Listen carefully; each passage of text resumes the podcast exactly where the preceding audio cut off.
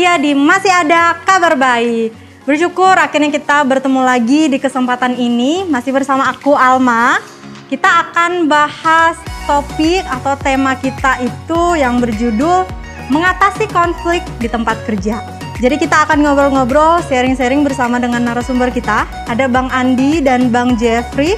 Bang Andi dan Bang Jeff nanti kita akan sharing ngobrol apa sih konflik, apa yang mereka alami ketika mereka bekerja, seperti apa uh, apa yang mereka lakukan, cara mengatasinya dan kita akan berbagi tips and trick berdasarkan pengalaman dari Bang Andi dan Bang Jeff tentang mengatasi konflik di tempat kerja. Dan di akhir episode ini tentu kita akan bagikan juga kuis berhadiah dan terakhir ada pengumuman kuis untuk pemenang kuis di episode sebelumnya ya. Jadi stay tune masih ada di kabar baik.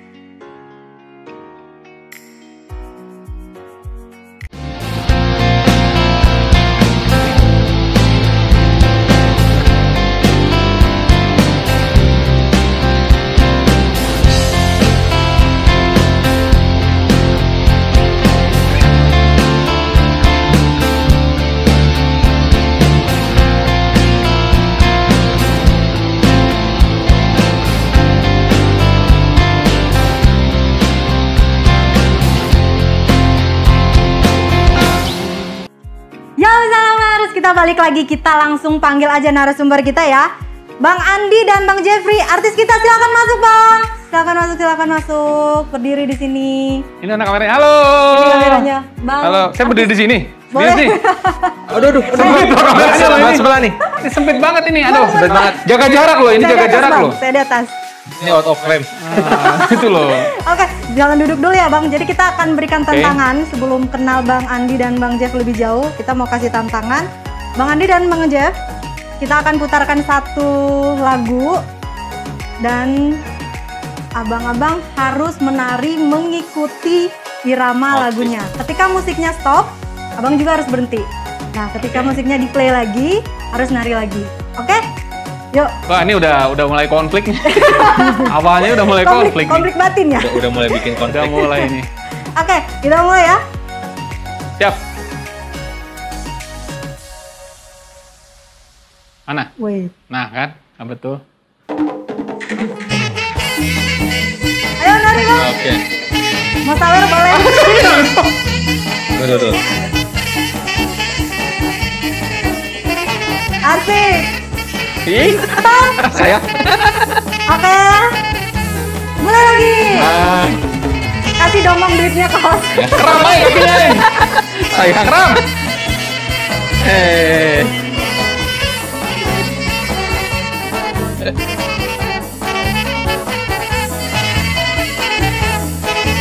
sampai berapa lama nih? Oke. Sampai durasi habis nih. Udah nih. Oke udah selesai ya. Soalnya di kepanjangan. Oh mau lagi mau lagi. Udah. Nanti kita suruh nanti kita suruh bang Andi bernyanyi sambil main gitar ya karena jangan duduk dulu bang. Oh, jangan dulu dulu, oke. Karena isunya saya dengar Bang Andi ini punya suara emas dan punya keahlian bermain gitar yang luar biasa ya Bang. Kita mau lihat di Eh, itu itu yang suara dan mas itu beda dengan suara mas. Udah mulai konflik. Oke silakan Bang Andi, Bang Jeff duduk. Boleh duduk Bang. ya. Silakan duduk, silakan Terima duduk. kasih. Uh, sampai berkisah gini nih. Wah, emosi banget nih nih. Feel free ya Bang, anggap rumah sendiri. You. Selamat datang di rumah saya, asik di MAKB masih Siap. ada kabar baik. Terima kasih untuk Bang mau bilang Bang Andi tapi ngeliat tuh Bang Jeffrey. Terus terima kasih untuk Bang Jeffrey dan Bang Andi meluangkan waktu hadir di MAKB kita kali ini.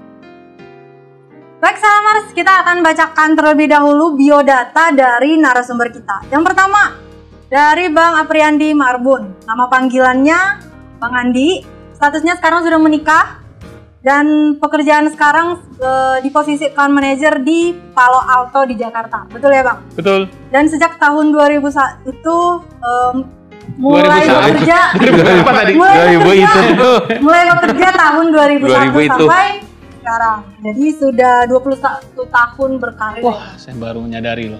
Usia saya, Bang. Serius? Yes, Oh. tambah satu. Jadi ngasih tahu usianya. Masih muda. Oke, biar data berikutnya tentang Bang Jeffrey. Bang Jeffrey Susanto di- biasa dipanggil dengan Jeff atau Bang Jeffrey. Baru tahu saya nama panggilannya itu. Saya. Ini panggilan host kali ya? Biasa dipanggil apa, Bang? Frey. Sus, sus, sus, sus. Susi. Statusnya sudah menikah juga. Pekerjaannya posisi sekarang sebagai brand manager di DataScript di Kota Bandung. Dan sudah bekerja dari tahun 2005 sampai sekarang. Jadi usia bekerjanya total 16 tahun ya Bang. Jadi lebih lama Bang Andi. Berpengalaman sekali ya Bang Andi. Kita akan bahas eh, lebih lanjut tentang mengatasi konflik di tempat kerja. Tapi sebelumnya kita perlu menyamakan persepsi apa sebenarnya konflik. Kita perlu tahu tentang pengertian konflik. Jadi menurut KBBI, Kamus Besar Bahasa Indonesia, konflik itu artinya menggambarkan keadaan sedang terjadi percekcokan, pertentangan, atau perselisihan di suatu tempat. Jadi dia singkatnya eh, konflik itu percekcokan, pertentangan ataupun perselisihan. Jadi kita mesamakan persepsi, oh ternyata konflik itu kalau lagi keadaan yang seperti itu. Dan ternyata Salamer semua ada pengaruhnya loh ketika kita mengalami konflik di tempat kerja dengan kinerja atau output yang akan kita hasilkan. Sebuah penelitian menyatakan di tahun 2010, nama penelitinya itu Denny Nurbiansa, orang Indonesia ya. Eh, Oh, Denny, si Denny. Den- ya, Den, Den, Den. Si Denny ya. Denny kita. Jadi hasil penelitiannya menyatakan ketika suatu konflik di tempat kerja tidak diatasi dengan baik, maka kinerja karyawan tersebut akan menurun. Begitu juga sebaliknya. Ketika konflik yang dialami diatasi dan dialami dan dikendalikan atau dihandle lah ya, maka kinerjanya juga akan semakin meningkat. Oh. Jadi kenapa kita bahas ini? Perlu kita tahu ketika kita ada konflik, kita harus mengatasinya supaya kinerja kita juga di tempat pekerjaan itu semakin membaik. Begitu ya. Dan sebelum kita sampai ke sana, sebelum kita bahas tentang mengatasi konflik di tempat kerja, kita akan bahas nanti konflik apa yang Abang alami di tempat pekerjaan, bagaimana cara Abang mengatasinya. Sebelum ke situ kita mau cerita, kita mau dengerin cerita yang manis-manisnya dulu nih tempat pekerjaan. Denny dulu atau kami dulu nih? Denny, Si Denny. ini buyar lagi nih kayak kayak episode kemarin. Henry. Soalnya surveinya kata seorang kata, Kata seorang Denny. namanya Denny. Siapa Denny gitu loh? Harusnya kan lembaga survei gitu loh. Oke. Bisa aja kan kata si Agus gitu loh. Penelitinya namanya Denny. Oke Den, good job Den, good job. Den, good job. Mantap. Oke, sebelum kita mau dengar cerita dulu deh dari tempat kerja, bukan hanya eh, mengalami konflik, tentu ada hal manisnya, eh, memori-memori manis yang pernah dirasakan ketika bekerja. Ya dong, masa di tempat kerja berantem mulu, cekcok mulu dengan karyawan, bayang dong gitu ya, atau kejar deadline terus, kon- konflik apa itu namanya, kejar deadline terus, konflik batin. Nggak mungkin mengalami konflik terus di tempat pekerjaan. Jadi kita mau tahu bang, mau dengar cerita pertama dari bang Andi. Boleh ceritain bang eh, hal paling berkesan yang pernah abang alami selama bekerja? Hmm, hal yang paling berkesan ya. Banyak. Iya ya. Sebetulnya dalam pengalaman bekerja eh, saya gitu ya, eh, memang apa banyak sekali ya kesan-kesan yang baik dan bahkan memang satu hal yang kenapa saya mencintai pekerjaan ini gitu ya, I love my job di di, di kerjaan saya sebagai seorang eh, apa penjual solusi sales gitu ya, karena memang eh, berinteraksi terus dengan orang-orang gitu ya, berinteraksi dengan orang-orang kemudian eh, apa namanya terlibat dalam pe- apa kenal lebih lebih lebih jauh dan lain sebagainya. Jadi kalau dibilang kesan adalah ketika saya bisa mengenal orang-orang yang baru gitu ya, bisa mengenal mereka eh, dengan segala apa keunikannya, dengan segala eh, sifatnya yang buat saya tuh eh, pengetahuannya juga yang buat saya selalu menambah menambah hal di diri saya gitu loh. Itu sih. Hanya kalau ngomong bicara masalah pengalaman gitu eh, pengalaman saya itu adalah yang berkaitan dengan poin yang satu tadi eh, saya selalu punya kalau saya gitu ya punya prinsip bahwa hubungan saya dengan customer itu tidak hanya hubungan tidak hanya hubungan eh, bahwa memang dia perlu saya perlu dia membeli barang dari saya dan dia perlu solusi dari saya. Tapi bisa lebih jauh kenal gitu ya. Kadang-kadang dari kenal itu juga bisa memperkuat hubungan itu gitu. Nah, waktu itu saya pernah ngalamin eh, ketika saya biasa datang kepada customer satu satu siang lah waktu itu siang menuju sore, lalu eh, customer saya itu nerima telepon, dia nerima telepon, air air mukanya berubah, air mukanya berubah. Lalu Jadi Eh, seperti apa? jadi kayak tegang, mukanya kayak tegang gitu ya. Lalu setelah selesai telepon, saya tuh bingung ya saya ada di sini atau gimana gitu ya. Tapi eh, saya tetap ada di sana. Lalu setelah dia selesai ini, dia cerita sama saya, eh Di, eh, saya permisi dulu ya, saya harus ke Jakarta. Oh kenapa Pak? Saya bilang itu di Bandung ya. Eh, anak saya masuk ICU. Wah, langsung saya bilang, eh, dia langsung bergegas gitu ya. Saya tuh berpikir, aduh gimana gitu ya, ngedengarnya kaget juga gitu. Langsung saya terucap aja dari mulut saya, Pak saya temenin Pak. Gitu. Nah di situ saya langsung nemenin, oh dia memberikan oke juga gitu ya. Kami, kami langsung pakai mobil dia ke Jakarta, ke rumah sakit tempat anaknya masuk. Ya udah, saya temenin. Waktu itu saya berpikir bahwa oh bisa ada apa-apa soalnya gitu kan. Takut di jalan dia nyetirnya nggak konsen dan lain sebagainya. Makanya maksudnya saya temani. Jadi saya temani si bapak ini dari Bandung sampai ke Jakarta ke rumah sakit. Saya temenin sampai ke ruangannya ketemu sama keluarga. Udah, udah gitu saya langsung cabut karena kan dia udah sibuk dengan keluarganya lah ya. Saya pastiin aja dia datang selamat dan sudah ketemu dengan dokter. Satu saya pulang, saya pulang di Jakarta waktu itu mungkin saya nggak terlalu sering ke Jakarta juga zaman-zaman itu ya. Ini pulangnya pakai apa ya? Udah pakai travel lah gitu ya. Tapi itu berkesan buat saya gitu. Itu sangat berkesan dan kemudian hubungan kami menjadi semakin dekat gitu ya, bahkan sampai dengan sekarang ketika beliaunya juga sudah pensiun gitu. Jadi itu buat saya sih berkesan ya dalam salah satu yang berkesan dalam pengalaman kerja. Itu sih. Kalau secara umumnya abang memang eh, berkesannya ketemu banyak orang gitu. Betul, Kalau- ketemu banyak orang dan kemudian terlibat dalam satu cerita hidupnya gitu loh. Hmm, Dan momentum inilah yang momentum paling itu betul. Iya, itu menjadi momentum buat saya dan buat dia. Gitu. Jadi hubungan pekerjaan kemudian dibawa dalam satu hubungan yang sifatnya interpersonal antar pribadi manusia. Itu buat saya berkesan gitu. Oke, itu Bang Andi buat ceritanya. Jadi menarik juga ya. Iya, kita- musiknya jangan musik sedih nanti ya. musik yang pertama tadi Sinanggar Tua. Sekalian disawat. Oke untuk Bang Jeffrey, Bang Jeffrey posisinya tadi eh, bekerjanya juga sebagai sebuah tim gitu ya. Gak melulu kita bekerja di di perusahaan selalu pribadi ke pribadi, tapi ada waktu-waktu tertentu kita di dalam departemen, di dalam divisi. Nah untuk Bang Jeffrey sendiri, ketika ada tim nih punya teamwork, kira-kira kesa- eh, Bang Jeffrey boleh cerita nggak pengalaman atau cerita kesuksesan apa yang aduh saya ingat banget nih pernah sukses bersama tim ini Saya udah lupa tuh.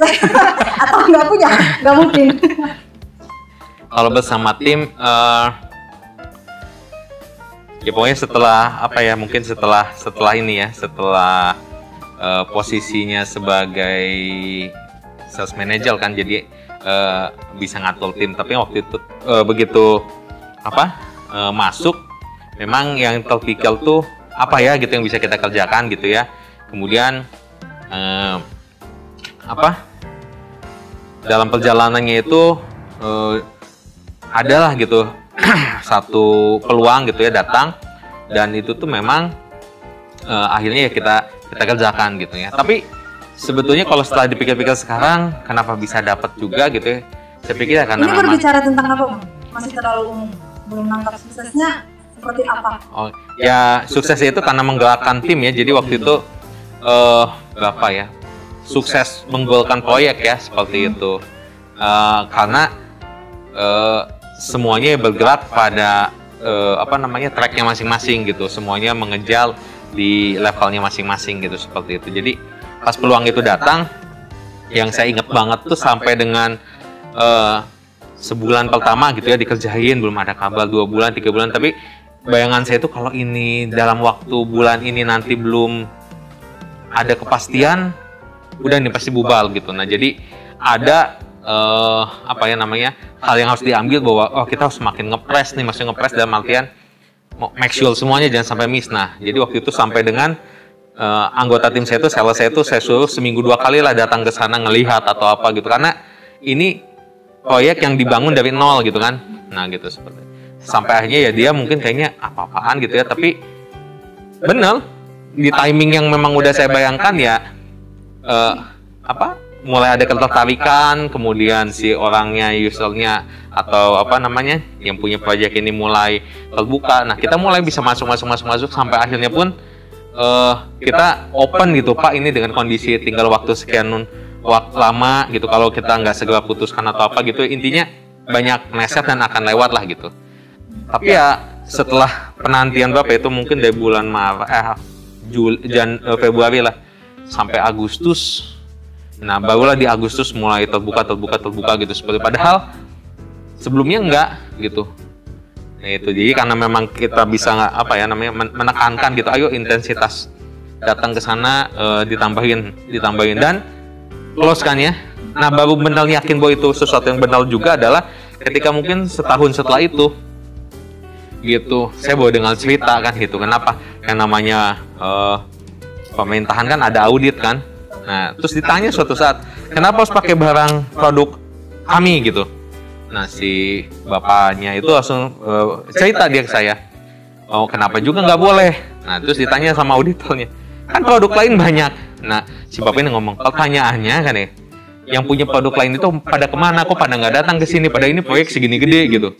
Nah di situ pas dia cerita gitu saya bilang ya pas ada kesempatan gitu taminnya pun ready kan setiap minggu dua kali datang dua kali datang dua kali belum tentu dapat. Tapi dengan pemikiran bahwa ya setidaknya belas kasihan lah gitu ngelihat muka salesnya mungkin udah udah udah apa sumpek gitu apa gitu. Tapi dapat gitu dan salesnya juga happy kami juga saya happy ya. Everybody happy ya karena proyeknya nggak kecil juga gitu seperti itu. Nah awalnya dari mana ya? Memang ketika kita melihat memang ini harus digerakkan nih tim harus di di push gitu. Kalau kita melihat bahwa ini kayaknya waktu-waktunya udah udah nggak nggak apa bakalan nggak akurat gitu. kalau nggak sekarang ya kita take action uh, push salesnya gitu sales timnya. Ya berhasil. Menarik nih bang tentang meng... Oh, tangan. Eh, saya tertarik dengan kata menggerakkan tim. Kadang kala eh, bukan cuma sedikit konflik yang bisa dialami karena gagal menggerakkan sebuah tim, memanage orang yang di dalam tim tersebut. Secara praktis apa sih yang abang lakukan sampai boleh mencapai eh, proyeknya goal, proyeknya tercapai? gitu? ngancam sih Gimana? Gaji. kalau kamu kalau kamu mati Baru diceritakan mengancam kayak apa? ya sebetulnya eh, semuanya kan udah punya bayangan ya Eh, setiap orang itu udah punya apa namanya eh ya kalau dibilang job desk iyalah tapi ngomong tentang apa eh, punishment reward gitu kan semua orang juga udah tahu lah. Kemudian deadline apa semua orang udah tahu. Nah bagian kita hanya tinggal mengingatkan kalau ini terjadi dia akan bagaimana. Nah kalau yang hal ini terjadi dia akan bagaimana. Jadi me- mengingatkan hal itu pada kenyataannya sih tetap tetap eh, si yang menjalani yang harus mengambil keputusan kita hanya bisa menolong dia untuk menunjukkan jalannya itu loh jalannya gitu tapi kalau dia nggak menggerak apa nggak bergerak gitu nggak nggak jalan? Ya susah. Kalau di di tim saya ya sekali dua kali tiga kali ya dibukakan lagi tuh. Kalau kamu gini ini yang jadi ujungnya. Dan kalau kamu gini ini yang jadi ujungnya. Pilihannya ada sama dia. Gitu nggak nggak nggak melulu bawa di sana ayo ayo nak ayo nak. Itu itu ke sana. Enggak enggak gitu. Karena setiap kita kan udah ini ya profesional kan namanya. Kalau nggak profesional ya gitu. Tapi kalau profesional tak tak tak tak oke kayaknya nggak cocok ya udah. Kalau di tim saya itu ada istilah dibina. Kalau nggak bisa dibina lagi dibinasakan. Dicabut biasa bagi para bos ini kan di, dikeluarkan gitu dari tim gitu untuk apa? Karena pasti ada yang menggantikan Hmm. replacement gitu. Eh, apa? Posisi seperti seperti itu tuh. Jadi pada saat itu bagian abang yang mengingatkan gitu. Dan inti pergerakannya tetap pada orang yang bersangkutan. betul. Oke, kita mau tahu bang, abang udah lama bekerja 21 tahun, 16 tahun gitu ya, udah lama-lama lang melintang di dunia pekerjaan. Pernah nggak sih ketemu bos atau rekan kerja atau Hmm. hmm, bawahan lah ya yang, Hmm. aduh karakternya kayaknya nggak cocok banget nih untuk saya gitu. Pernah nggak bang, bang Andi? Lo pasti pernah. Boleh ceritakan bang jenis seperti apa yang dihadapin sampai nggak cocok? Jenis. Eh, mungkin eh, apa namanya? eh, menurut saya bahwa dalam dalam kita bekerja lah ya, ini spesifik ke kerja, memang kita kan eh, tidak pernah bisa memilih bahwa eh, apa namanya eh, tidak bisa memilih eh gue pengen si orangnya ini kayak begini dan lain sebagainya. Memang pada saat interview mungkin kita bisa tahu, tapi itu pun hanya interview atau sebelumnya kita coba survei gitu ya. Ya tapi nggak pernah bisa nggak nggak pernah nggak pernah bisa atau nggak bisa. Kalau saya sih ya, saya tidak memusingkan itu gitu loh. Saya tidak memusingkan bahwa eh, pengennya begini begini begini gitu loh. Jadi memang pernah mendapatkan bos yang memang eh, beda karakternya dengan sa- eh, yang saya inginkan pernah. Jadinya saya merasa tidak cocok. Kemudian eh, dengan rekan kerja ada pernah juga gitu ya. Dan jangankan jangankan bos eh, teman kerja, customer juga ada juga kadang-kadang yang tidak cocok gitu ya dengan eh, kita mungkin ngerasa bahwa aduh nggak gitu sih harusnya. Tapi kan buat saya ya semuanya eh, jadi inilah jadi sesuatu yang nggak bisa dihindari gitu ya. Tetap harus dijalani. Jadi jawabannya pernah. Yang paling sulit memang kadang-kadang ya yang ini dengan kak semuanya sulit sih ya. Tapi kalau ngomong tingkat kesulitan yang ini kadang-kadang eh, kalau dengan customer mau nggak mau ya karena saya pengen dia beli barang saya ya. Jadi mau dia katakanlah nyebelin, nyusahin dan lain sebagainya, ya saya tetap harus eh, bermanuver gitu ya untuk menyesuaikan. Nah kalau dengan bos, ya kadang-kadang memang, aduh ketemu di meeting lah dan lain sebagainya, ya saya tetap memposisikan diri saya bahwa eh, bagaimanapun kita punya misi bersama gitu loh. Caranya dia seperti apa, ya dari awal saya kerja sampai dengan sekarang berupayalah untuk mencari gimana caranya saya eh, yang penting misi misinya itu bukan misi saya, misi misi perusahaan ini yang harus tercapai. Gitu gitu loh. Jadi nggak usah dipusingin ya beda beda orang beda karakter ya udah seperti itu. Bet- eh, maksudnya nggak usah dipusing itu bukan bu- bukan berarti dihindari gitu ya. Eh, tetapi kit- saya hadapi. Hanya itu tuh sesuatu yang nggak bisa saya hindari lah, kurang lebih begitu. Akhirnya harus saya hadapi dan saya hadapi gitu. Karena saya ngeliat bahwa eh, kon- apa ketidakcocokan dengan si bos dan lain sebagainya kadang bisa membuat saya belajar satu hal yang baru gitu. Belajar satu hal yang baru bahwa eh saya harus improve diri saya juga. Karena tidak cocoknya kan problemnya bukan hanya di bos, tapi bisa jadi di saya juga. Jadi itu yang membuat saya ngelihat bahwa nggak nggak pointing finger menunjuk bahwa ah nggak cocok di salah salah salah salah gitu loh. Nggak begitu gitu ketika saya tidak cocok dengan dia kami memang dua hal yang dua dua pribadi yang berbeda. Masalahnya di mana? Nah ini menaruhkan sesuatu secara objektif dari dua orang yang berbeda itu yang memang selalu menjadi satu hal yang jangan pusing. Memang memang memang pasti pusing. Gitu ya. Tapi maksudnya harus lihat bahwa eh ini memang sesuatu yang harus dijalanin dan dijalanin gitu. Loh. gitu gitu. Saya ngeliat nggak ada sebuah teori yang sifatnya fix gitu ya untuk bahwa yang menyelesaikan dengan ini begini. Kadang-kadang kalau udah di lapangan ya memang eh, ada sebuah ada sebuah naluri untuk kemudian kita eh, mencari jalan keluarnya gitu loh. Gitu sih. Oke, kita mau dengar dari Bang Jeff. Dari Bang Jeff gimana Bang? Pernah mengalami juga jenisnya kayak apa? Kalau pen- pernah pastilah gitu. Da- Kita itu nggak nggak apa ya. Kalau dalam dunia apa kita tuh nggak bisa pilih-pilih orang. Kecuali itu tadi dia belum jadi bagian tim, kita mencari tim.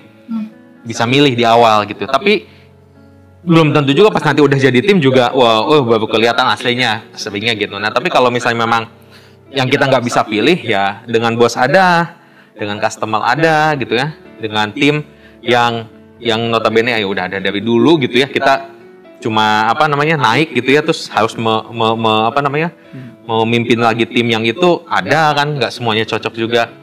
Tapi yang paling penting ya ketika memang itu jadi bagian yang memang harus kita kelola untuk mencapai tujuan bersama ya kerahkan segala daya upaya gitu kan perbaiki komunikasi gitu seperti itu. Kalau misalnya kayak tadi dengan bos ya nggak saya nggak bisa mencat bos saya. Bos nggak bisa ini gitu. yang ada juga dia gitu tapi ya kita beradaptasi gitu.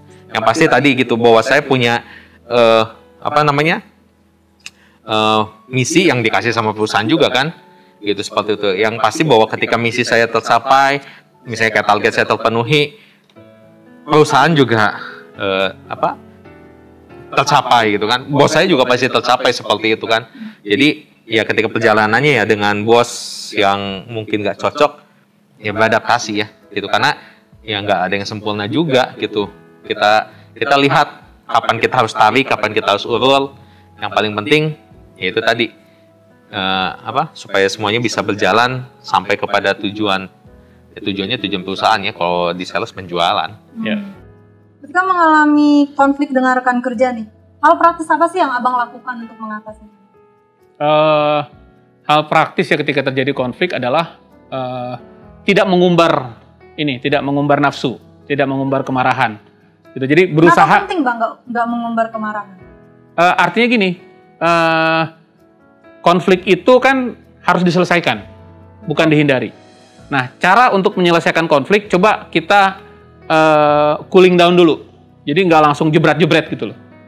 Karena eh, itu bisa bisa membuat apa konfliknya bisa jadi eh, bertambah rumit, gitu ya. Tapi konflik itu katakanlah asumsi saya pribadi, anggaplah itu sebuah masalah. Masalah ada untuk kemudian didefinisikan lalu diselesaikan. Memang tidak eh, ya itu itu itu yang dipegang. Memang pada saat praktek di lapangan, pada saat di lapangan ya konflik bisa terjadi eh, di- tidak diundang gitu ya atau diundang dan lain sebagainya. Ya praktisnya ya coba tenang dulu ketika ada ini tenang dulu gitu ya. Coba eh, pahami dulu definisikan dulu baru kemudian eh, lakukan langkah-langkah yang sifatnya eh, respon gitu ya. Karena konflik konflik satu, konflik dua, konflik tiga itu juga bisa beda respon, nggak bisa disamain gitu. Gimana kalau Bang Jeff ketika ngalami konflik dengan rekan kerja, eh, ngadu kat- bukan ngadu sih ya, mencari solusi ke atasan. Kasarnya memang ngadu gitu. Itu gimana kalau kata Bang Andi kan tidak mengumbar, mengumbar. Saya, saya Tidak- tidak mengumbar. Harus ada remnya lah, gas rem gas rem itu diatur gitu loh. Jangan remnya dilepas, gas terus gitu. Kalau itu gimana bang? Mencari solusi ke dengan, contohnya saya berdebat berkonflik dengan abang, saya langsung ngadu ke bos. Ya kalau kenyataannya sebenarnya di dunia kerja ya seperti kayak gitu tuh bukan sesuatu yang lama, bisa jadi cepet eskalasi langsung Dan ke itu bisa terjadi ya. Betul. Orang tuh kadang apa? Baru aja terjadi lah gitu bisa mungkin. namanya eskalasi. Nah. Jadi memang ada mungkin ada prosedur yang memang mengeskalasi gitu ya. Ada non prosedur Ya. ya. dia juga dalam tanda petik ngadu gitu ya. Itu biasa. Mungkin aja, betul. Itu fair nggak kalau dalam dunia pekerjaan? Kalau mau ngomong fair ya, mah kan apa ya? Banyak yang tidak fair memang ya. Maksudnya ya eh, fair kita sih ideal idealnya menurut kita eh nggak gitu misalnya gitu kan. Tapi kalau itu terjadi kita nggak bisa bilang itu lalu oh ini nggak fair nggak fair kita hadapin aja ya mungkin ada menurut kita mungkin itu tidak pas. Oh kok kenapa nggak kita selesaikan? Tapi eh di, di, di sisi yang lain dari orang yang ngadunya kan nggak bisa kita kontrol. Dia bisa ngadu gitu loh. Yang akhirnya kita harus lakukan adalah kita mesti eh, punya punya punya pemahaman yang baik terhadap konflik itu dan kemudian ketika kita di counter gitu ya kita bisa menjelaskan Iya. begitu. Hmm. Jadi kalau misalnya terjadi konflik ya konflik kan macam-macam ya. Misalnya gara-gara Alma nih, misalnya teman saya gara-gara nggak bayar hutang sepuluh ribu, nggak mungkin saya main ngadu-ngadu ke atasan. Buat apa? Selesaikan aja nih, nih mak, sepuluh ribu dolar. Kalau sepuluh dolar ya ke polisi kalau itu. Tapi kemudian karena konflik yang memang urusannya misalnya ini memang urusan kantor, urusan kerja berhubungan dengan customer atau pihak di luar, beda cerita. Gitu, beda cerita tuh maksudnya apa? Eh, saya sendiri kan punya eh ini resikonya gimana ya gitu seperti itu. Artinya bukan mau mengadukan, wah rasain saya aduin sekarang bukan, tapi lebih ke eh karena yang namanya kerja kan tim ya. Satu terjadi apa-apa tuh yang lain nggak syukurin nggak gitu, tapi yang lain juga akan jadi bagian yang ini tuh kita kerja tim gitu seperti itu. Jadi untuk kebaikan bersama atau untuk sesuatu yang lebih baik, ya hal yang kayak tadi eskalasi langsung ke atas gitu, itu mungkin aja terjadi. Kasusnya beda sih ya, bukan gara-gara duit sepuluh ribu tadi saya main ngadu-ngaduin. Tapi itu mekanisme sih. Maksudnya Iya. mekanik orang ya dalam dunia pekerjaan ya itu mekanisme. Eh, misalnya terjadi konflik lalu dia langsung ngadu ke atas ya Ya. fine fine aja gitu maksudnya. Bahkan di dalam satu organisasi kan ada HLD kan, gitu. Konflik-konflik konflik mungkin gak selesaikan, ya HLD itu yang menjadi penengah. Iya. Itu ada. Itu kan kalau penengah artinya ini harus ngomong, ini harus ngomong, dibereskan, dimediasikan gitu. Itu sama aja sebetulnya kan ya. Itu ruang lah, ruang untuk penyelesaian. Ya, tergantung beratnya konflik yang kalau ini bisa dibilang aja dari orang banyaknya satu Iya. perusahaan itu ya boleh Masa gara-gara satu orang satu perusahaan kena kan gak lucu juga gitu ya. Oke, Bang Andi, Bang Jeffrey, nanti kita akan lanjut lagi ngobrol tentang pengalaman Abang mengatasi konflik. Tapi sebelumnya saya mau ngasih summary dulu nih, kesimpulan. Eh, dari yang kita dengar, Bang Andi dengan Bang Jeff punya cerita-cerita yang unik ya. Bang Andi tadi menawarkan diri, memberikan diri untuk mendampingi customernya saat itu langsung ke Iya. Jakarta tanpa pikir panjang gitu ya Bang. Langsung aja, eh, ya dah saya ikut gitu ya. Itu bisa kita contoh juga ketika kita rasa hal itu baik, kita bisa spontan untuk lakuinnya. Dan Bang Jeffrey melakukan upaya untuk menggerakkan tim sehingga bisa tercapai nih kesuksesan. Terus abang-abang kita ini juga pernah mengalami konflik gitu. Bukan karena anak Tuhan nggak ada konfliknya, tapi yang mereka lakukan yaitu menghadapi konflik ketika pun mendapatkan rekan kerja atau bos yang beda karakter yaitu tidak dipusingkan gitu nggak ngambil ribet tentang hal itu tapi dihadapi dengan ya memberikan semaksimal mungkin untuk perusahaan gitu ya bang sebelumnya kita Gitu nggak ya? gitu nggak ya anggap saja begitu Bungkus, bungkus. bungkus bang Pernah ngalamin konflik nggak? Kalau konflik saya Kalau belum kalau cinta itu konflik. oke selamat sampai di sini pernah ngalamin konflik nggak? Konflik si Denny tadi. konflik sama si Denny. Denny, Denny. benar menggemaskan sekali ya bang kita mau main games Sekarang yes kita mau main games gamesnya namanya truth or dare jadi cara truth or dare. TOD biasa disebut. Jadi main TOD. eh, jadi saya akan bacakan Hmm. beberapa pertanyaan untuk abang berdua. Jadi bisa dipilih. Contohnya kayak bilang truth pertanyaannya. eh, ketika bangun tidur apa yang pertama kali dilakukan? Kata Bang Jeffrey. Bang Jeffrey boleh memilih untuk, oke saya menjawab. Contohnya Saat teduh. Saat teduh gitu. Atau kalau nggak mau jawab, Janji Bang temu. Jeffrey boleh memilih dare. Nanti dare-nya itu ada konsekuensi yang harus Bang Jeffrey tanggung. Bisa aja menari atau jingkrak atau kayang gitu. Oke ya? Ayang. Kita- Wah. Aduh, di depan. Aduh. Ayang ke depan boleh lah. Oke, kita langsung udah tahu kan, Bang? Udah, tahu. udah. Langsung kita main game. Saya buka contekan dulu. Oke. Truth or dare? Truth or dare. Oke, sih per-? Nggak tahu gue. tadi udah dicontohin. Udah contohin. Oke, siap. Udah dicontohin. Yang pertama untuk Bang Andi. Tuh. Bang Andi, Ya, Apa hal pertama yang terlintas saat lihat cermin? Ini truthnya. Boleh memilih untuk menjawab atau memilih dare. Dare-nya akan dikasih tahu ketika jawabannya satu kata atau panjang? Ya, boleh, boleh panjang, Bang. Tapi jangan panjang banget. Yang pertama ngeliat cermin, wajah. Hal pertama yang terlintas saat lihat cermin. Aduh, ganteng banget gua atau apa gitu. Oh, apa? Eh, Oh, jadi memilih menjawab ya? Memilih menjawab lah. Oke, memilih menjawab. Saya mau menjawab dipotong-potong nih gimana? Harusnya tanya dulu tut atau del gitu. Kalau tut silakan jawab gitu mungkin. Jadi Iya. truthnya dikasih tahu dulu, Bang. Dare-nya saya nggak kasih tahu. Oh, Oke. Ini yang truth jawabannya gimana nanti? Ya. Saya jawab nih. Oke. Eh, kalimat boleh kan? Ya memandangi wajah saya gitu loh. Yang Cuman- terlintas, Bang, yang terlintas. Yang terlintas. Iya, saya lihat cermin, contohnya saya lihat cermin. nih. Waduh, cakep banget ciptaan Tuhan gitu. Oh, kalau saya ngeliat cermin, wah makin muda nih. gitu. Oke, jawabannya itu ya. Iya. Sip. Kita lanjut ke Bang Jeffrey. Bang Itu Jeffrey, itu false atau dare ya? itu truth. Oh, truth. Karena oke. abang memilih untuk menjawab. Oke. Truthnya, dare-nya belum ada yang kebuka. Truth. Apa kejadian yang paling memalukan Sebetulnya makin tua sih. yang nggak banyak orang tahu? Itu truthnya. Mau memilih menjawab atau Iya. mau pilih dare? Oh menjawab dong. Oke, silakan Jadi apa yang paling memalukan ya yang gak banyak orang tahu. Hmm. Eh, Dare. ini hubungnya ada pekerjaan atau bebas nih? Bebas Bang. Oh bebas. Oke. Eh, saya makannya banyak. Memalukan ya? Gak tahu ya. Mungkin buat ya? orang memalukan kali. Enggak ya, enggak memalukan ya? Ya udah Bang, dare aja lah Bang. Hmm? Dare Enggak, aja. itu, itu memalukan buat saya. Memalukan Oh ya? Hal yang memalukan tuh apa ya definisi ini memalukan? Pengalaman pernah memalukan maksudnya? Ya. Pengal oh pengalaman. Oh, saya pikir hal yang memalukan. Pengalaman itu eh kalau di dunia kerja ya, saya kan sering terima telepon nih. Nah, yang saya sering ketawa dan orang lain pasti ketawa adalah kalau misalnya telepon itu kan bapak ya, laki-laki. Nah, kan biasanya, iya pak, iya pak, iya pak, iya pak. Nah, tapi karena saya tuh, eh, namanya sales sering banyak telepon, ini sering banget. Iya pak, iya pak, iya pak. Ujung itu, oke bu, terus ditutup. Terus kayak ada belasan berdosa gitu. Masih aduh kapan ketemu si bapak ini lagi ya untuk ngomong apa itu eh, gak enak gitu. Atau misalnya ibu ibu ibu gitu ya, sering kan ditelepon kan. Terus eh, eh, eh, istri pernah ngomong, itu tuh jadi telepon bapak atau ibu gak ada. Pas nanti telepon, nggak dia nggak ngasih tahu nama dan saya belum kenal. Oh iya pak, iya pak. Tapi saya mulai ragu, ini kayak suara ibu. Oh iya bu, dia tengah ngomong ibu. Terus tiba-tiba memang salah. Maaf pak, eh, ini saya Anu. Oh iya maaf pak, maaf pak, maaf balik.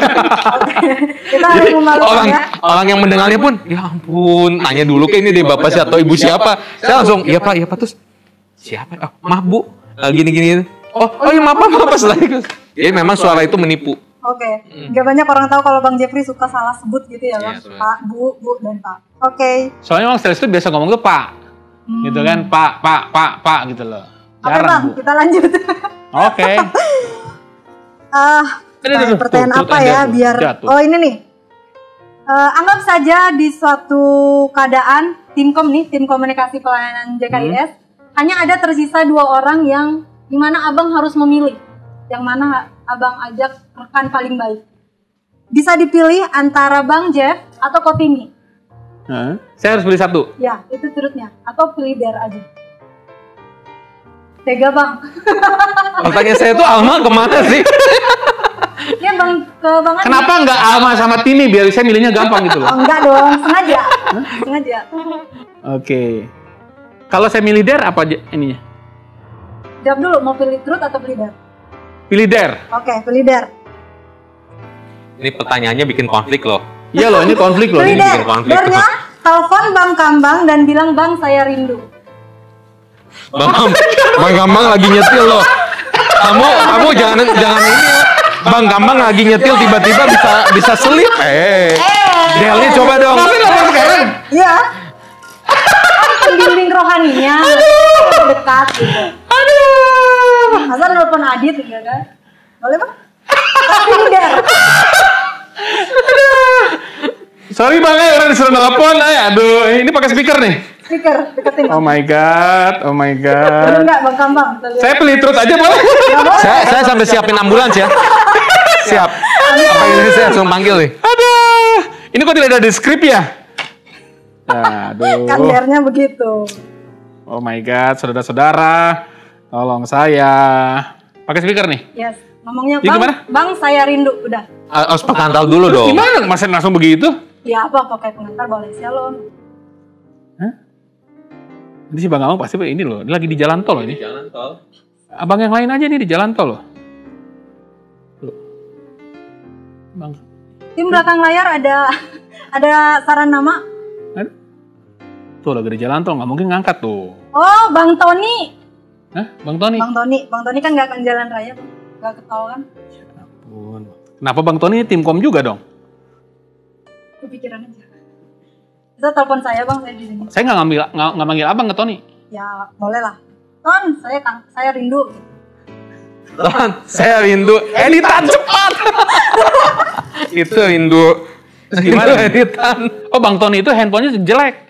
Ah, alasan banget ini narasumber dari tadi. Jadi dia nggak bisa ini loh, nggak bisa nerima telepon. Harus dia telepon balik. Tuh kan nggak diangkat. Saya sudah melakukan dare loh, orang-orang yang nggak ngangkat loh. Berarti mereka tidak rindu. Ya, Bang Dah. jangan senang, Bang. Kita Ada harus kan? membuli. nggak ada ini. Tuh, nggak bisa diangkat. Gimana?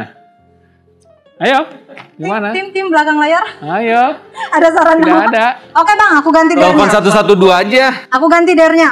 Hmm. Buat Insta story selfie sekarang dengan caption aku ganteng, aku diam. Apa? Aku ganteng, aku diam. Aku ganteng, aku diam. Aku ganteng, aku Selfie. diam. Ayo Bang, kita lihat Insta story-nya. Tag, tag siapa nih? Tag Alma nih. Gak usah. Biar teman-teman Alma. Tagnya Bang Kami juga Ma, boleh. lu itu om siapa mah? Nah lo. Aku ganteng, aku diam. Ini You. hasilnya. Ya selfie Terus? gimana aja lah. Ini yang nggak ada lagi yang telepon nih. Hah? Kalau gini kan, gue tinggal set publik. Terus? Ya udah selfie Bang. Terus buat Instagram. Captionnya aku ganteng, aku diam. Oh my god. Nge-tag siapa tuh? Gak usah Nggak di usah. Terus? Aduh malu banget. Ganteng, aku diam. Dah. Dah. Yep. Oke Salamers yang tahu eh, Instagramnya Andi Marbun ya Bang? Boleh dilihat ya. Ke close friend aja ya. Jangan. Ini ada orang-orang kantor ini. Oh my god. Oh itu tuh apa eh, nawas dikasih itu keterangan di bawahnya. MAKB ya, MAKB ya, MAKB event. Oke. Event Bang ya. Jeffrey nih kebagian yang nelfon. Aduh, Oke Bang? belum. Ini mah hostnya nggak nyasal ini bukan truth penuh kebohongan ya hostnya. Biar milih. Lebih suka kebohongan ya. Ini. Oke, Dah, klik bang. klik. Eh, Dah. mantap. Udah, terus? Oke, ya udah, itu udah memilih der. Tuh katanya telepon istrinya tuh. Kok ada di situ? Tuh, ya. Oke, eh, pertanyaan selanjutnya masih ada eh, Bang Jeff dua pertanyaan lagi, Bang Adi satu pertanyaan lagi. Untuk Bang Jeff, siapa di CKIS yang gayanya paling norak? Turut-turutnya. Oh, tut. Oh, ada. Mau jawab Bang? Ada, mau. Kemarin tuh saya ngeliat-liat ini apa dokumen video ya. Uh-huh. Eh, saya pikir-pikir gitu ya. Duh, yang cuma norak tuh Doni. Nanti saya kasih tahu ini fotonya. Tapi mungkin sekarang udah nggak itu ya mungkin ya. Udah modis gitu ya. Gak tahu Bang. Dari cuman sebatang uh, apa kecil gitu ya. Uh, jadi gitu. Tapi dulunya karena uh, Menteng ngeliat ini foto-foto zaman dia masih Kuliah. bukan kuliah kayak gitu belum kuliah baru datang gitu ya. Ya ampun, ini anak kampung banget gitu. Kalau gue gak sanggup jawab sih Bang. Belum lihat ya? Belum lihat ya nanti. Before and afternya ya? Before and after. Transformasi tuh. Transformasi. Oke Bang Jeffrey menjawab. Menjawab terus. Eh, satu tersisa satu pertanyaan masing-masing ya untuk Bang Andi. Oke. Hal apa yang dirahasiakan sampai sekarang yang gak banyak orang tahu? Bukan rahasia lagi dong. kalau gitu. Yang iya yang mau Hal apa loh? Kalau saya kasih tahu berarti nggak rahasia lagi dong? Ya, itu tujuan kita. Hah? Kita di sini mau membuat konflik. Der! Der, oke, Der. Ini terus dinyalain nih? Ya iya dong Bang, Sampai? sampai habis. Ya ampun. Oke, Dernya. Bernyanyi selamat ulang tahun dengan vokal U. Ulumut, ulung Oke. tuhun. Oke? Oke. Yuk. Sampai kapan? Ya, Sampai habis? Sampai habis. Oke. Oh, apa susahnya itu? Ya Bang. Udah, mana Ya. musiknya? Satu, dua, tiga. Sulumut ulung tuhun kumu ucup. Sulumut ulung tuhun kutupun duukun. Sulumut sujud turu doer nih. Suhut suntusu. Sulumut ujung umur. Dulu Yeay! Aduh. Sampai ending acara kita Ah, ini Bang Amang telepon nih. Nggak jadi ya? Dernya udah kan? Tapi boleh diangkat Bang, kasihan. Loh, ini dernya udah loh. Iya, Dernya udah. Oke, nggak usah diangkat ya? Ya. Oke. Satu pertanyaan. Bang, si Bang Amangnya telepon. Satu Untung pertanyaan. aja. Hati-hati bang. Ama nih bang. Ama bang. Alma bang. Gua dikasih der bang. Nih. Satu pertanyaan terakhir untuk Bang Jeffrey. Siapa orang yang paling menyebalkan di tim kom? Alma. Nggak ada beban, nggak ada beban. Terus kan? Iya sih. Jebakan menjebak itu gitu. Terus kan? Nggak adil ini rasanya. Makanya jangan bikin. Kadang-kadang kita itu merancang-rancangkan yang buruk loh. Dan Tuhan merancang-rancangkan yang baik. Aduh. Jadi saja. Ah, ada beban gitu. Oke, terima kasih Bang Andi dan Bang Jeff Sama-sama. sudah bermain games. Nanti kita akan lanjutkan lagi ya di sesi berikutnya atau kita akan sharing pengalaman abang-abang. Ini story saya nggak ada yang lihat, di delete aja ya. Boleh.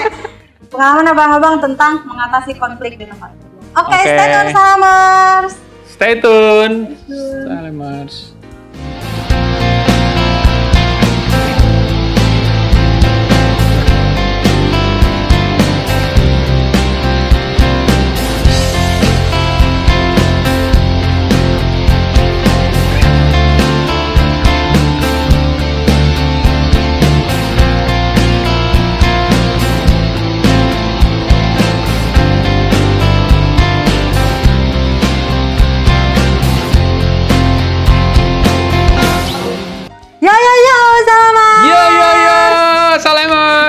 Kita lanjutkan lagi ya ngobrol-ngobrol kita ya. Bawaan host. bersama Bang Andi dan Bang Jeffrey. Ya, kita lanjutkan ngobrol kita bersama dengan Ama dan Bang Jeffrey.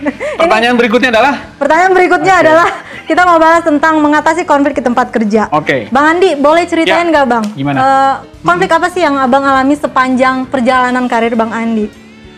Waduh, banyak banget ya. Ya, pe- pertama konflik pasti terjadi gitu ya. Selama perjalanan karir pasti terjadi. Setiap kalau saya bilang di setiap perusahaan tempat saya kerja pasti ada konflik. Ya kan? Bukan berarti saya konflik maker ya. Tetapi konflik itu pasti terjadi. Itu yang itu yang eh, saya terima. Awalnya memang kadang-kadang suka ngerasa bahwa aduh nggak pengen lah konflik ya. Apalagi konflik dengan bos misalnya gitu ya, konflik dengan customer tuh. Atau konflik dengan rekan kerja aja. Nggak pengen itu. Karena kalau ada konflik kayaknya eh, apa situasi berubah keadaan jadi nggak enak. Dan kadang-kadang tuh pengennya kerja tuh damai-damai aja lah senang-senang aja gitu kan ya. Tetapi tidak demikian gitu loh. Faktanya bahwa konflik itu pasti terjadi gitu loh. Pada saat kita membawa damai berangkat kerja dengan hati yang gembira, Gembira. gitu ya masuk ke kerjaan tiba-tiba nggak tahu si bos lagi nggak mood gitu ya tiba-tiba marah aja demikian rupa. Mungkin keluar kata-kata yang tiba-tiba membuat eh, hari ini seperti kelabu sekali gitu kan ya. Tetapi ya itu akhirnya langsung kena gitu kan ya. Ya ya itu gitu loh. Konflik itu selama kerjaan saya pasti terjadi gitu loh. Ada juga konflik yang memang kadang-kadang saya yang alfa gitu ya saya yang eh, emosi dan lain sebagainya sehingga eh, membuat membuat eh, rekan kerja nggak enak. Itu juga bisa terjadi. Jadi kalau ditanya ya konfliknya macam-macam gitu. Ya. konflik dengan bos konflik dengan rekan kerja konflik dengan customer bahkan konflik dengan diri sendiri loh. Jangan salah loh. Ya, konflik dengan diri sendiri terjadi. Gitu sih. Terus apa yang Abang lakukan untuk mengatasi konfliknya Bang? Nah, memang eh, ketika konflik itu terjadi, eh, biasanya eh, dalam hati saya itu merasa bahwa eh, ini ini harus ini gimana nyelesainya, gitu ya. Dan ketika ini nyelesainya, memang ekspektasi pengennya cepat, tapi Ya. saya tahu bahwa kalau terlalu cepat juga diselesaikan, eh, takutnya menye- menyelesaikan konfliknya hanya di permukaan. Jadi sering kali ketika itu terjadi, saya langsung berpikir eh, mengevaluasi diri dulu. Ini kenapa gitu ya? Lalu kemudian setelah mengevaluasi, saya coba eh, jaga yang tadi saya bilang di sesi yang sebelumnya, jangan diumbar dulu gas nafsunya, marahnya dan lain sebagainya, karena itu tidak menyelesaikan konflik marah itu gitu loh Hmm. tidak menyelesaikan gitu loh. Eh, harus ada solusinya dan nggak nggak nggak harus marah. Mungkin marah iya ya, tapi pengalaman saya justru kadang-kadang marah itu suka eh, apa? Me, me- ha- hanya hanya Melampiaskan. emosi aja gitu loh, tapi tidak diterjemahkan, didefinisikan dan lain sebagainya. Jadi biasanya ya saya coba berdoa dulu. Kadang-kadang saya berdoa ya pernah saya tuh pernah Kadang-kadang ya. Nggak, kalau yang- kayak yang berat-berat lah ya. Kadang-kadang cari tempat yang sepi gitu ya. Eh, ambil waktu berdoa dulu untuk Tuhan berikan kepada saya hikmat. Tuhan gimana ini gitu loh. Dan ketika saya sudah selesai berdoa, konfliknya belum selesai, jangan salah gitu ya, nggak abrakadabra konflik selesai. Ada damai sejahtera dan kekuatan untuk kemudian saya ngalamin. Saya nggak tahu gimana cara nyelesainya, tapi ada damai sejahtera yang saya pikir tenang ya, perasaan tenang, oke saya hadapin gitu loh Hmm. sehingga ya seiring waktu Tuhan kasih hikmat konflik itu eh, selesai gitu. Oke. Pertama berdoa dulu ya Abang. Iya berdoa dulu sama hikmat. nahan diri ya. Nah, oke, nahan diri. Itu penting banget ya, Bang. Penting banget, penting banget nahan diri. Karena emang justru ketika kita marah, justru konflik lain yang timbul. Betul nambah konflik gitu. Hmm, Itu yang Oke, thank you Bang Andi sharingnya. Kalau dari Bang Jeffrey, cara mengatasi konflik di tempat pekerjaan, apa yang Abang lakukan? eh cara mengatasi konflik ya. Eh, kalau saya ya tadi yang ya yang kepikiran itu eh, kalau ada konflik, jadi jangan langsung apa tadi eh di diumbal gitu ya, di dikasih tahu ke sana ke sini, digosipkan gitu ya. Eh, cooling down dulu tadi seperti yang Bang Andi bilang di awal. Eh, untuk apa? Untuk kita bisa memikirkan nih. Ini kadang-kadang perlu cooling down. Ini posisinya saya yang salah atau memang ada hal yang missnya di mana gitu kan sehingga dari situ nanti kita action Eh, terus yang kedua eh, kalau ada konflik itu jangan dihindari gitu jangan kabur tapi diselesaikan dibereskan Eh, kita nggak menghindari sekarang ya sampai kapan pun juga konfliknya tetap ada. Dan pas ketemu lagi ya konflik itu akan tetap menanyakan nih nasib nasib saya gimana nih? Konflik itu nanya nasib saya gimana nih? Ya tetap harus dibereskan. Jadi eh, tadi bagus banget ya cooling down. Setelah itu ya kita lihat nih. Kalau memang ternyata kita yang salah nggak usah tunggu apa eh, badai berlalu gitu kan matahari cerah baru kita datang iya tujuh purnama tapi kita langsung action gitu gitu apa yang mengakui membereskan selesai Oke, Sip. Eh, pertanyaan berikutnya Bang. Abang ini udah lama ya, 21 tahun di tempat Bang Jago, pekerjaan. Bang Andi, Bang atau Doni. Bang Do? Denny. Denny. Denny, Denny, Denny. Bang Doni tadi yang no, ah, jangan. Yeay. eh, Don, don, don, don. kalau Bang Andi tadi 21 tahun udah bekerja, Bang Jeffrey 16 tahun gitu.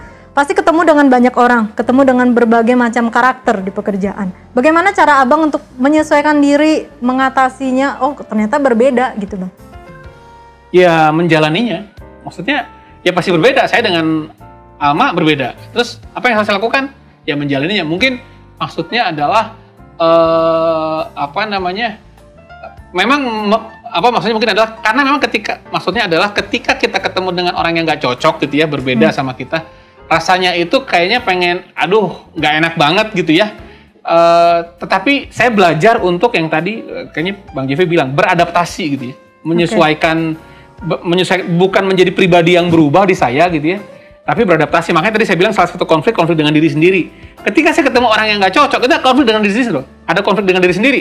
Udah deh keluar aja dari tempat kerja misalnya gitu kan. Susah nih atau tinggalin aja customernya. Gitu kan? Saya belum saya belum konflik dengan dia dengan diri saya sendiri aja konflik itu.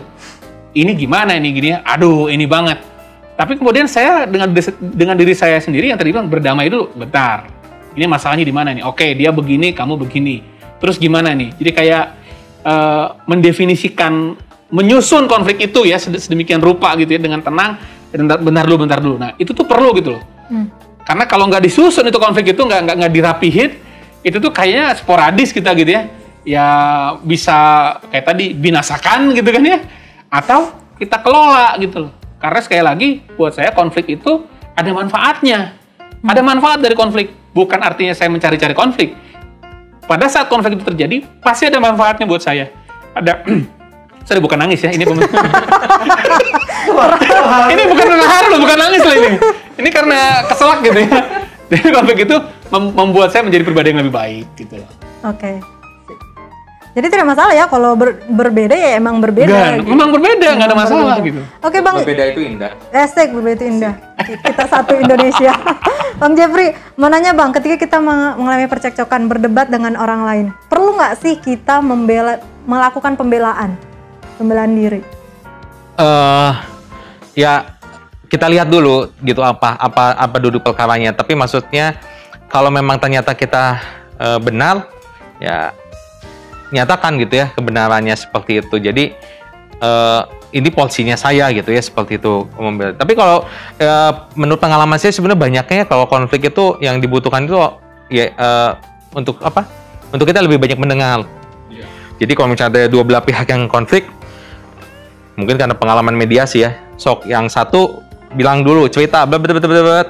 yang satu cerita gitu kan seperti itu jadi lebih banyak mendengar gitu karena bisa jadi sering kali konflik itu belum juga selesai ceritanya yang ini udah naik. Yang ini belum juga baru naik yang ini naik jadi nggak mau kalah gitu kan seperti itu. Jadi ya kalau ngomong membela diri sebetulnya sih nggak penting-penting banget ya. Tapi beda cerita dengan kalau ini urusannya urusan pekerjaan ya gitu. Jadi maksudnya tadi kita tahu bagian kita kita tahu polisi kita kalau memang kita benar ya nyatakan benar eh, selesai gitu. Tapi kalau menurut saya sih lebih banyak kalau kalau yang di yang diperlukan gitu dalam menyelesaikan suatu konflik itu ya mendengar ya daripada membela diri Hmm, oke, thank you Bang. Kita mau tahu dong ayat pegangan dari Bang Andi dan Bang Jeffrey tentang konflik di dalam pekerjaan. Boleh Bang Andi dulu?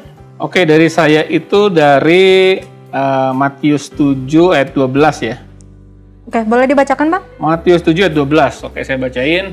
Segala sesuatu yang kamu kehendaki supaya orang perbuat kepadamu, perbuatlah demikian juga kepada mereka. Eh, ayat 12a. Itu buat Oke. saya.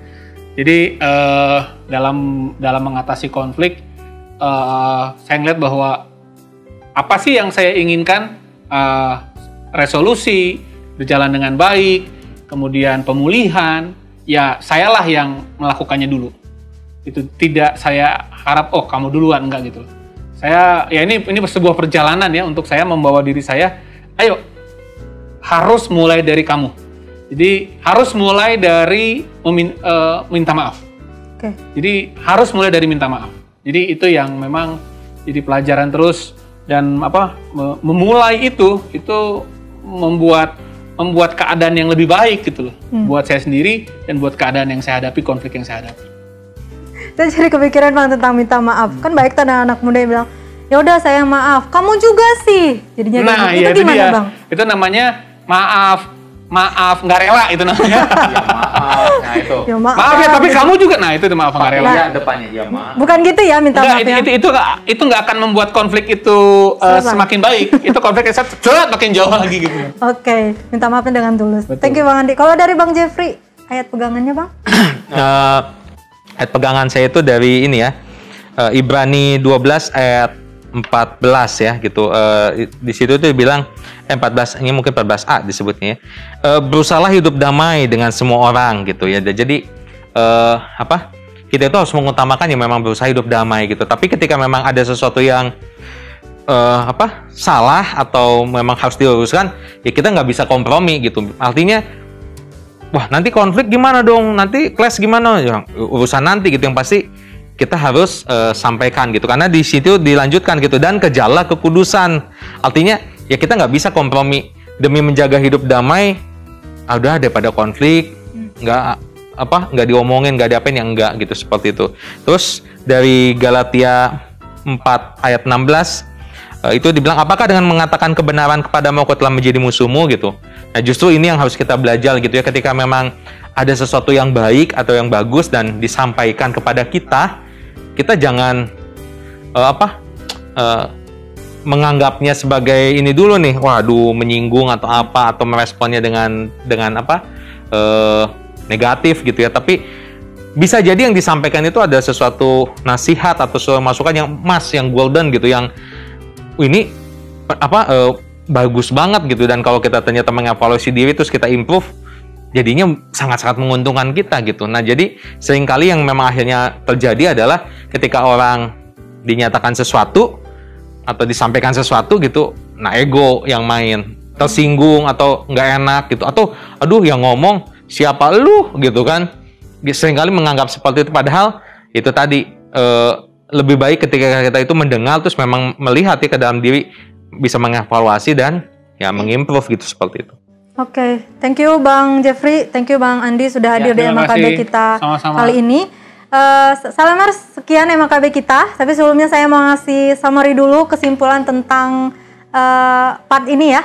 Jadi Bang Andi dengan Bang Jeffrey juga mengalami konflik di dalam pekerjaan, baik itu di, ke- sama atasan, rekan kerja, bahkan sama customer.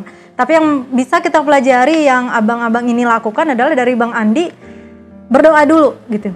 Untuk mengatasinya kita perlu berdoa terus mencari hikmat. Kalau dari Bang Jeffrey jangan menggosipkan ke mana-mana gosip eh, konfliknya gitu. Jangan mengumbar-umbar dulu, perlu cool down gitu. Terus kita belajar untuk mendengar. Karena sering sering kali yang disampaikan itu benar gitu. Gitu ya Bang. Lalu tentang ini ayat pegangan yang Abang pegang dari Bang Andi itu di Matius berapa tadi Bang? Matius 7 12 B. Matius 7 eh, 12A. Matius 7 ayat 12a. Apa yang kamu kehendaki untuk diperbuat, perbuatlah demikian ke orang lain. Termasuk dalam menyelesaikan konflik gitu. Kita duluan yang memulai. Bisa dimulai dengan cara minta maaf yang tulus gitu. Bukan dengan minta maaf tapi menyudutkan yang lainnya juga. Kalau dari Bang Jeffrey ayat pegangannya tadi ada dua. Yang pertama tetap eh, berusaha untuk hidup damai, berusaha untuk hidup damai, menjaga kekudusan. Kalau ada yang perlu diluruskan boleh dikasih tahu. Ketika ada orang yang ngomong ke kita, jangan diresponnya dengan negatif dulu, tapi perlu didengarkan. Begitu ya, Bang? Itu summary-nya tentang di tema kita mengatasi konflik di, tem- di tempat pekerjaan. Oke, Salamers, sebelumnya kita mau ngasih kesimpulan, mengasih pengumuman dulu, kesimpulan terus ya. Suka menyimpulkan. Oke, pengumumannya MLKB kita akan tayang dua kali sekali dalam dua minggu. Berarti tayangnya di episode berikutnya itu tanggal 24 Maret ya. Jam 7 hari Rabu di YouTube. Oke, hari Rabu jam 7 di YouTube. Dan pengumuman selanjutnya kita akan ngasih YouTube JKISnet. di YouTube JKISnet. Nanti linknya dikasih di sini. Bukan di YouTube saya ya. Apalagi saya. Lagi saya nggak punya. Dan pengumuman selanjutnya itu adalah untuk pengumuman pemenang kuis dari episode sebelumnya. Pemenangnya itu adalah Kak Alia. Pada Kak Alia selamat ya. Selamat Kak Alia sudah memenangkan kuisnya. Dan ditunggu kita akan memberikan hadiah berupa kaos. Kaos, yang- Kaos, kaos. Yes, berupa kaos Bukan kayak gini ya.